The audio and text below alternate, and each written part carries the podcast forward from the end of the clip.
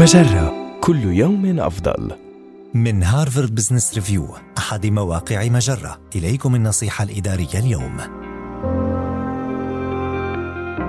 كيف تنفذ خطة العمل لمدة أربعة أيام في الأسبوع؟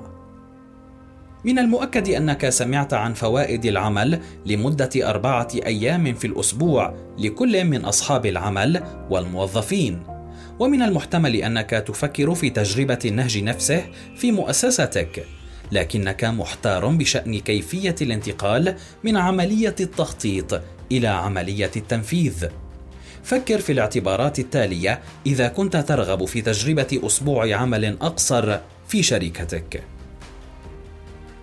شارك قراراتك علانية.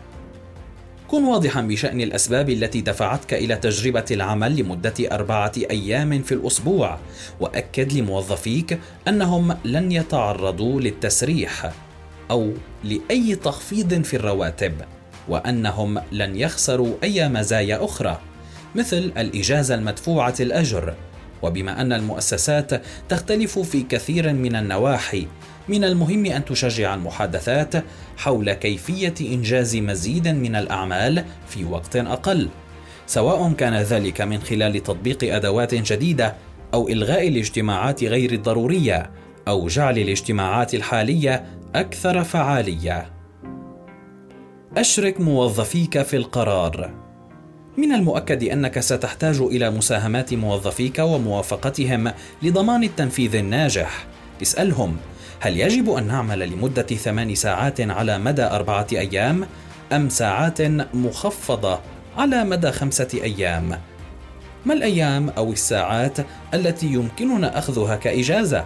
كيف يمكننا منع التغيير من التأثير سلبا على عملائنا وزبائننا وأصحاب المصالح الآخرين؟ ما الخطوات التي يمكننا اتخاذها لزيادة إنتاجيتنا؟ كيف يمكننا مشاركة أفكارنا لتحسين العملية فيما بيننا؟ اجري تعديلاتك استنادا إلى التجارب. تذكر أن الهدف في المرحلة التجريبية لا يتمثل في أداء كل شيء على أكمل وجه منذ البداية بل في تحديد الأدوات والعمليات التي تحتاج مؤسستك إليها لجعل ساعات العمل المخفضة ممكنة. ولا تنظر إلى المشكلات على أنها مؤشرات للفشل بل فرص لتحسين خطة التنفيذ وتنقيحها. هذه النصيحة من مقال دليل تنفيذ نهج العمل لمدة أربعة أيام في الأسبوع. النصيحة الإدارية تأتيكم من Harvard Business Review أحد مواقع مجرة مصدرك الأول لأفضل محتوى عربي على الإنترنت. مجرة. كل يوم أفضل.